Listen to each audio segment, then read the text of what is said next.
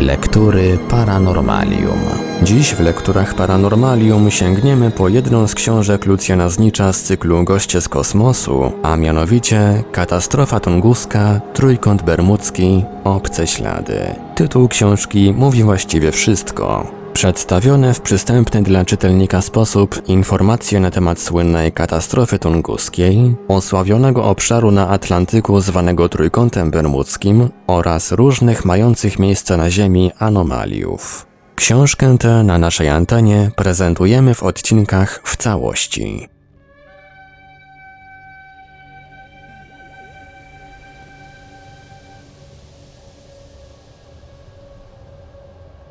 Bermudy przećmiewają tajemnicę Mary Celeste. Tajemnicę tę zabrali za sobą nie tylko ludzie z pokładów Fernandiny, Enchantress czy Raifukumaru, ale i kilkunastu innych statków, które wprawdzie nie zatonęły, ale z niewytłumaczalnych powodów zostały pozbawione załogi. Pierwsza wieść o takim niezwykłym wypadku na tym akwenie pochodzi jeszcze z 1840 roku. Amerykański okręt patrolowy natknął się tutaj na francuski trójmasztowy statek handlowy Rosalie. Ponieważ przy mijaniu statków Rosalie nie wymieniła sygnałów rozpoznawczych, okręt dogonił ją, a marynarze amerykańscy weszli na jej pokład. I wówczas okazało się, że byli oni jedynymi ludźmi na pokładzie tego statku. Poza nimi był tylko żywy kanarek. Zarówno brak śladów walki, jak też cały, wieziony z Bordeaux do Hawany ładunek świadczyły, iż statek nie padł ofiarą piratów. Rozwinięte wszystkie żagle mówiły, iż załoga nie mogła go opuścić w czasie burzy. Co więc było przyczyną zniknięcia, czy też ucieczki całej załogi? Zaledwie 15 lat później podobny los spotkał na tym akwenie amerykański z kolei trójmasztowiec James Beechester. I tym razem natknął się nań inny statek amerykański Marathon. Podobnie jak w przypadku Rosalie, ładunek jego był nienaruszony, choć wnętrze statku było całkowicie zdewastowane, a ponadto brak było dokumentów statku, map nawigacyjnych i kompasu. Za to załoga pozostawiła wszystkie szalupy ratunkowe. Podobno powołana komisja doszła do wniosku, że cała załoga, ogarnięta paniką przed czymś niezwykle groźnym, rzuciła się do morza. Tylko czy dla wysnucia takiego nic nie tłumaczącego właściwie wniosku trzeba było powoływać aż specjalną komisję? 12 lat później zdarzyła się, znana już czytelnikom, podobna historia z Mary Celeste. Tym razem było to jednak gdzieś między Azorami a Gibraltarem, a więc zupełnie niesłusznie kumuluje się wszystkie tajemnicze wypadki wokół Bermudów. Ale akwen ten, jakby zazdrosny o swą złą sławę, wkrótce postarał się o nową tego typu tajemnicę. W roku 1902 znaleziono w okolicach Bermudów następny statek pozbawiony załogi, niemiecki bark Freya. Ożaglowanie miał częściowo zniszczone, to racja, ale zaledwie 3 października opuścił on przy pięknej pogodzie port Manzanillo na Kubie, a kalendarz w kabinie kapitana świadczył, że załoga opuściła go już następnego dnia, 4 października. W roku 1921 osiadł na wybrzeżu Florydy następny pozbawiony załogi, choć na pokładzie pozostał kot, statek Carol Endearing. W kwietniu 1932 roku, 50 mil na południe od Bermudów, odkryto dryfujący bez załogi statek John and Mary. W lutym 1940 roku, 200 mil na południe od Mobile w stanie Alabama, odkryto pochodzący z San Vincent w basenie Morza Karaibskiego pozbawiony załogi jacht Gloria Collide. W październiku 1944 roku w pobliżu Florydy natrafiono na dryfujący bez załogi kubański frachtowiec Rubicon. 5 grudnia 1946 roku na południe od Miami znaleziono szkuner City Bell. Zaledwie dwa dni wcześniej opuścił on z 32 osobami na pokładzie jedną z wysp Bahama. Przy Miami był już całkowicie bez załogi. W 1955 roku, 400 mil na południowy zachód od Bermudów, znaleziono następny jacht bez załogi, Cinema 4. W grudniu 1967 roku, zaledwie mile przed Miami, odkryto pozbawiony załogi i pasażerów statek Witchcraft. 12 lipca 1968 roku na wschód od Bermudów znaleziono aż pięć opuszczonych przez załogę jachtów, w tym oryginalny trimaran znanego angielskiego żeglarza Crowhursta. W marcu 1970 roku z Miami na Florydzie wyruszył własnym jachtem do Puerto Rico znany przemysłowiec amerykański Harry Gardiner. Jeszcze z morza nadał depeszę, że za cztery dni będzie na miejscu, ale nie dotarł i mimo dwutygodniowych poszukiwań nie udało się go znaleźć. Jednakże miesiąc później jacht został przypadkiem odkryty na północ od wyspy Great Abaco, czyli ponad 800 mil od miejsca przeznaczenia. Nigdy nie wytłumaczono nie tylko zniknięcia właściciela jachtu, ale, i to przede wszystkim, sposobu w jaki zdołał on w ciągu 30 dni pokonać tak olbrzymią odległość. 20 stycznia 1975 roku zginęła nawet bez śladu przeznaczona do wyjaśnienia innych zaginięć 14-metrowa łódź Straży Przybrzeżnej Gulfstream. Świadkowie niesamowitych katastrof. Ale przecież nie statki, które bez śladu zniknęły na spokojnym morzu, stanowią największą zagadkę tego akwenu. Ani nawet tak liczne i zupełnie już niewytłumaczalne ginięcie załóg z całkowicie sprawnych jednostek morskich. Najbardziej intrygujące są relacje tych, którzy dzięki niezwykłemu szczęściu, a może tylko niezwykłej fantazji, potrafili otrzeć się i przebrnąć przez te tajemnicze, czyhające na nich pułapki. Przytaczam tylko trzy takie relacje, ale i one wystarczą, by wszystkich racjonalnie myślących ludzi zmusić do zastanowienia. Co się tam właściwie dzieje? Przede wszystkim więc sprawa niezwykłej przygody dowodzonego przez kapitana Bakera szkunera Ellen Austin. Płynął on z Anglii do Stanów Zjednoczonych. 20 sierpnia 1881 roku, gdy znalazł się na pozycji 27 stopni 14 minut szerokości północnej i 67 stopni 8 minut długości zachodniej, a więc na południe od Bermudów, Załoga jego dostrzegła nagle jakiś trzymasztowy szkuner, który najwyraźniej dryfował. Ponieważ zachodziło podejrzenie, że statek jest opuszczony przez załogę, a zgodnie z prawem morskim doprowadzenie takiego statku do portu honorowane jest wysoką premią, kapitan Baker wraz z czterema marynarzami osobiście wybrał się na pokład nieznanego statku.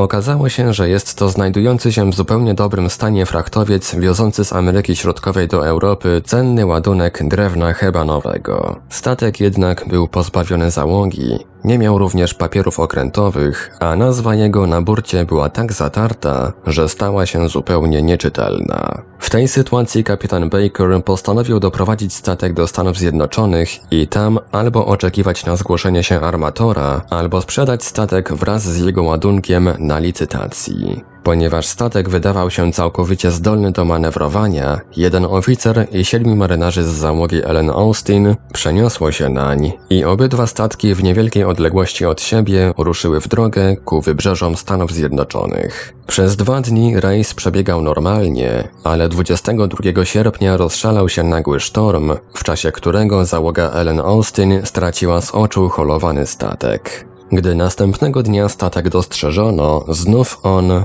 bezradnie dryfował. Zaniepokojony Baker wysłał szalupę z marynarzami, którzy ponownie stwierdzili, że statek nadaje się do żeglugi, jednak nie ma na nim ani świeżo założonego dziennika okrętowego, ani żadnego z marynarzy. Pokonując wzrastający opór zabobonnej załogi, Baker jeszcze raz przesłał na statek tym razem już tylko pięciu marynarzy. Statki miały płynąć w możliwie najbliższej odległości od siebie, co pół godziny miały się rozlegać z pokładu obu statków dzwony alarmowe, zaś każdy z marynarzy nowej załogi otrzymał broń.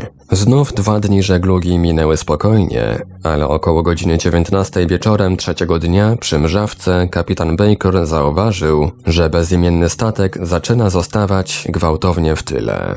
Zanim potrafiono odpowiednio zmniejszyć prędkość Ellen Austin, drugi statek całkowicie zasłoniła mgła i szaruga. Natychmiast zawrócono, ale zaginionego statku nie udało się odkryć już nigdy. Po przypłynięciu do Bostonu kapitan Baker za utratę 13 członków załogi powołany został przed specjalną komisję. Przed karą uratowały go tylko zgodne zeznania 12 świadków, rekrutujących się z pozostałej załogi Ellen Austin.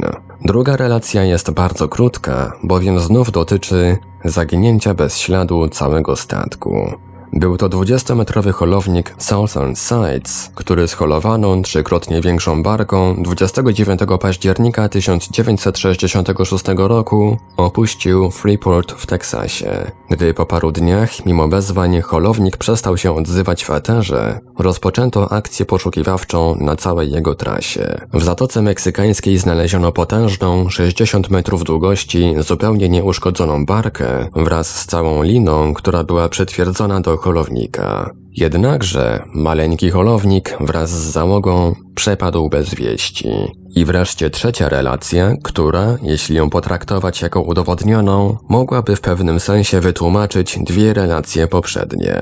Otóż w tymże roku 1966 kapitan Don Henry, właściciel spółki górniczej Sea Phantom Exploration Company w Miami, wyruszył swym holownikiem Good News ściągnięto na 300-metrowej linie pustą barką z Puerto Rico do Fort Lauderdale. Pogoda była dobra, niebo czyste. Tak opisuje tę przygodę Charles Berlitz w swojej książce The Bermuda Triangle. Nagle po południu załoga wezwała kapitana na pokład. Okazało się, że tarcza kompasu kręciła się we wszystkie strony. W tej chwili zauważył on, że ze wszystkich stron woda jakby zaczyna nacierać na statek. Horyzont znikł, nie można było odróżnić wody od nieba. Na złego wszystkie generatory elektryczności na statku przestały funkcjonować. Pracowały wprawdzie w dalszym ciągu, ale nie dostarczały energii. Mechanik okrętowy włączył generator awaryjny, ale również nie uzyskał żadnego efektu. Wówczas Henry zatroszczył się o barkę.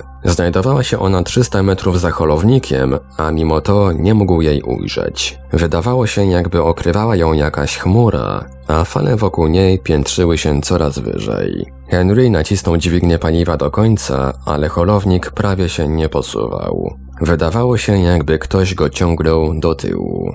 Lina holownika napięła się, ale Barki wciąż nie mógł dostrzec za mgłą. Don Henry wpadł na pokład główny i zaczął ściągać linę. Wreszcie udało mu się barkę z mgły wyciągnąć. Dookoła była świetna widoczność, wynosząca około 11 mil. Tylko w jednym miejscu, tam gdzie przed chwilą utknęła barka, utrzymywała się mgła, a woda dziwnie burzyła wokoło. Według zeznań załogi Good News, ta niesamowita walka o holowaną barkę trwała tylko 12 minut. Don Henry jednak oświadczył, że tych 12 minut nie zapomni do końca życia. I nie ma mu się co dziwić, jeśli, zastrzegam się jeszcze raz, relacja ta zgodnie z amerykańską formułą sądową zawiera prawdę, całą prawdę i tylko prawdę. Bo, już nie mówiąc o Don Henrym, również sam Berlitz nie zawsze podaje informacje zasługujące na wiarę. Tak się ma rzecz na przykład z jeszcze jednym wypadkiem zaginięcia holowanego statku, a mianowicie katastrofą brazylijskiego pancernika São Paulo. Wspominałem już o tym w rozdziale Statek odpłynął w nicość. Pancernik ten zbudowany został w jednej z brytyjskich stoczni jeszcze w roku 1909. Na początku roku 1951 jako przestarzały został skreślony ze stanu marynarki brazylijskiej i 14 sierpnia tegoż roku sprzedany jednej z firm brytyjskich na złom. Po trzech miesiącach demontażu jego nadających się jeszcze do użytku urządzeń, m.in. silników, 22 listopada 1951 roku dwa holowniki, Desterus i Bustler, rozpoczęły holowanie stalowego wraku przez Atlantyk. Na okręcie znajdowało się ośmiu marynarzy, którzy mieli obsługiwać hole. Dalsze relacje są już jednak dosyć różne. I tak Skarżyński w swoich widmach morskich twierdzi, że katastrofa zdarzyła się w początkach grudnia 150 mil na północny zachód od Azorów, podczas gdy Berlitz w swym The Bermuda Triangle określa dokładnie datę katastrofy na 3 października i przenosi jej miejsce na południowy zachód od Azorów. W każdym razie obaj autorzy są zgodni, że rozszalał się sztorm i w nocy załogi holowników utraciły łączność wzrokową z pancernikiem. W tej sytuacji, według Berlitza, jeden z holowników sam odczepił liny, natomiast pozostałe łączące pancernik z drugim holownikiem, jak się okazało nad ranem, zostały zerwane przez burzę. Skarżyński twierdzi, że burza zerwała liny obu holowników. Dość, że następnego ranka, gdy się rozwidniło, okazało się, że São Paulo nie tylko nie jest holowany, ale w ogóle znikł z powierzchni morza. Zdarzenie miało tym bardziej tajemniczy posmak, To Skarżyński, że kadłub i nadbudówki kolosa zostały dokładnie uszczelnione. Inżynierowie z firmy Vickers Armstrong, którym powierzono przygotowanie okrętu do holowania, stwierdzili, że zadanie to wykonano z wielką skrupulatnością. Potwierdził to również brazylijski komandor José Luis Covano. Wykluczono także ewentualność wywrócenia się okrętu do góry stępką, a zresztą także i wtedy pancernik nie powinien był zatonąć. Koniec cytatu. W czasie podjętej natychmiast akcji poszukiwawczej, to już Berlitz Zauważono niezwykłe fenomeny. W nocy i nad ranem widziano światła w rejonie katastrofy, a następnego dnia okręty i samoloty meldowały o pojawieniu się tuż pod powierzchnią morza jakichś ciemnych postaci i zarysów, które następnie jednak znikły. Koniec cytatu.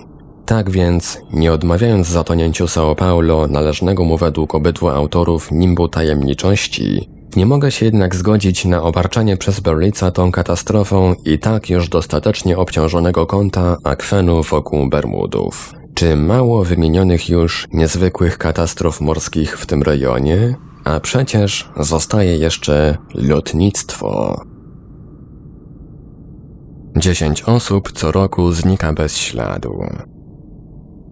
Pierwszą katastrofą lotniczą, która zwróciła uwagę całego świata tym razem już nie na akwen, lecz na przestrzeń powietrzną wokół Bermudów, było relacjonowane już zniknięcie bez śladu pięciu bombowców i jednego samolotu ratunkowego w dniu 5 grudnia 1945 roku.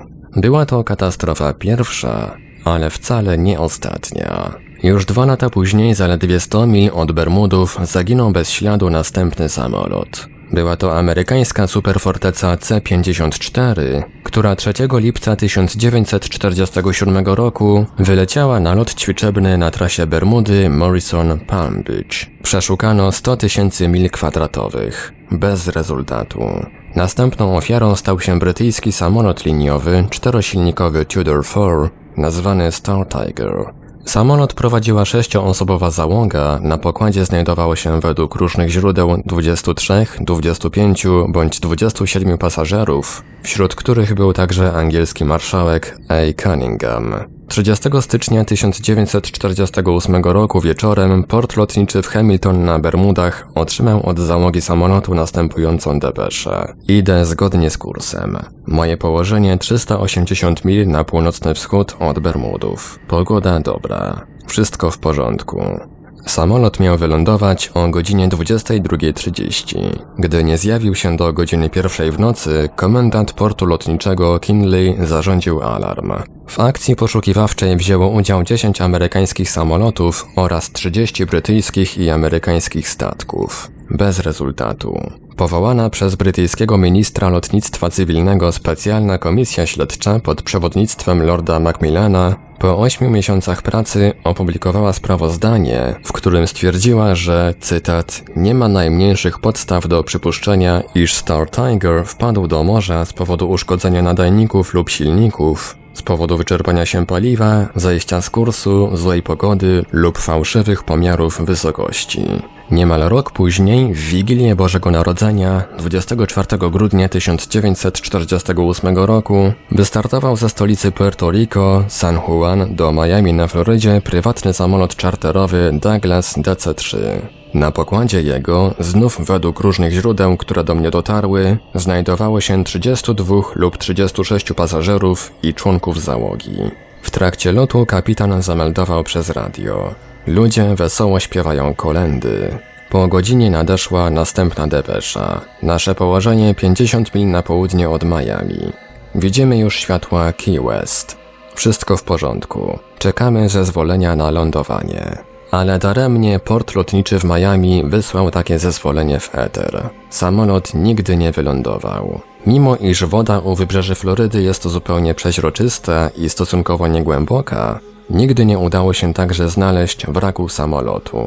Niecały miesiąc później, 17 stycznia 1949 roku, choć są źródła, które podają datę 17 lutego, ginie znów bez śladu nad tym akwenem bliźniacza jednostka Star Tiger, nazwana Star Ariel.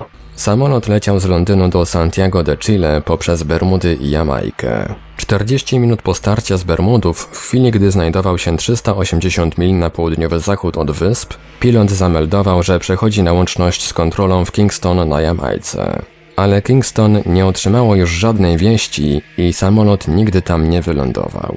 Zbulwersowane tak szybko następującymi po sobie tajemniczymi zaginięciami samolotów władze amerykańskie zarządziły szczególnie dokładne poszukiwania rozbitków. Na wodach na północ od Kuby wzięły w nich udział dwa amerykańskie lotniskowce, trzy tak zwane kieszonkowe krążowniki i sześć kutrów torpedowych. Na południe od Kuby odkomendorowany został natomiast pancernik Missouri, jeden krążownik i cztery kutry torpedowe. Ponadto do poszukiwań przyłączyły się także dwa znajdujące się w pobliżu statki handlowe. Nikt nic nie znalazł. W marcu 1950 roku ginie znów lecący z USA do Irlandii amerykański samolot typu Globemaster. 2 lutego 1952 roku ginie brytyjski samolot pasażerski typu York. Zdążył nawet jeszcze nadać sygnał niebezpieczeństwa, ale gdy na miejsce wypadku przybyła pomoc, nie znaleziono ani wraku samolotu, ani żadnego śladu po znajdujących się na jego pokładzie 33 osobach. 30 października 1954 roku ginie znów bez wieści i śladu, tym razem aż z 42 osobami na pokładzie amerykański samolot Navy Super Constellation. Bez wieści, mimo iż miał aż dwa nadajniki na pokładzie i bez śladu, mimo iż zaopatrzony został w urządzenia do awaryjnego wodowania. Ekspedycja poszukiwawcza przez wiele dni i nocy przeszukiwała pas wodny o szerokości 120 mil od New Jersey aż po Azory.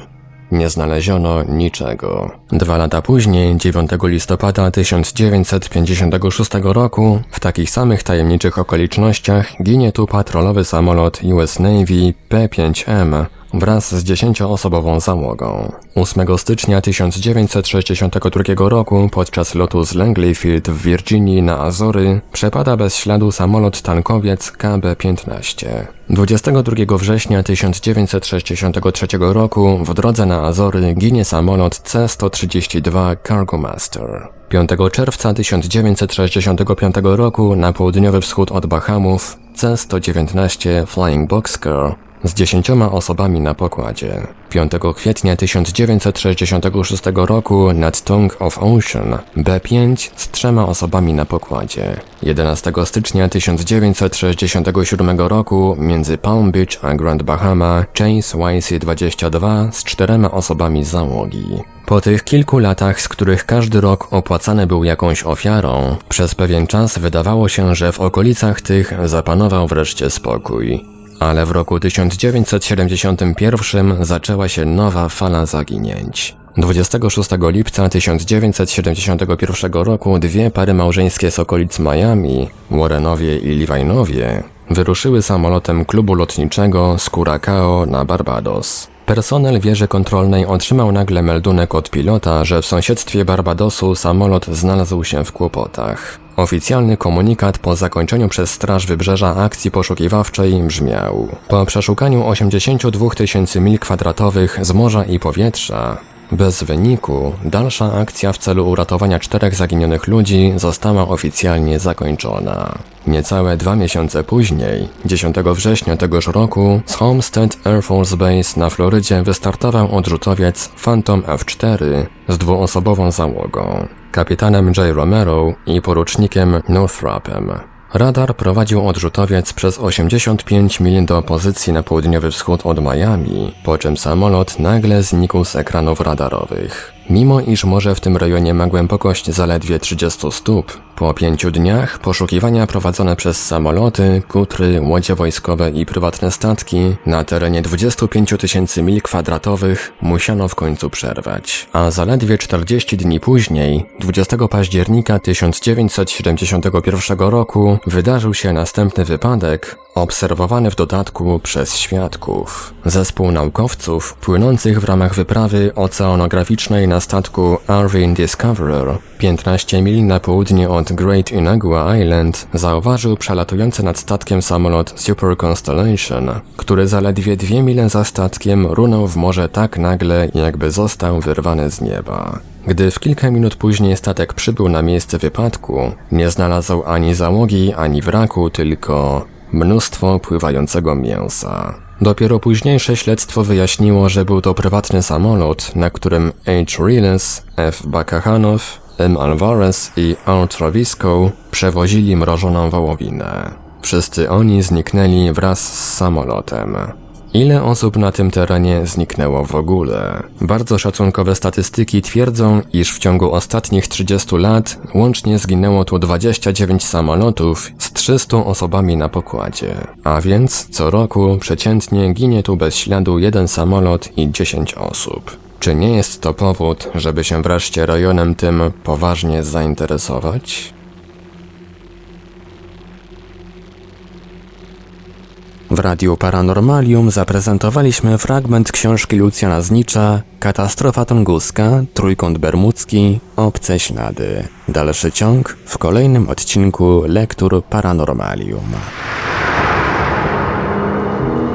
Archiwalne odcinki Lektur Paranormalium znajdziesz do pobrania w archiwum naszego radia na stronie www.paranormalium.pl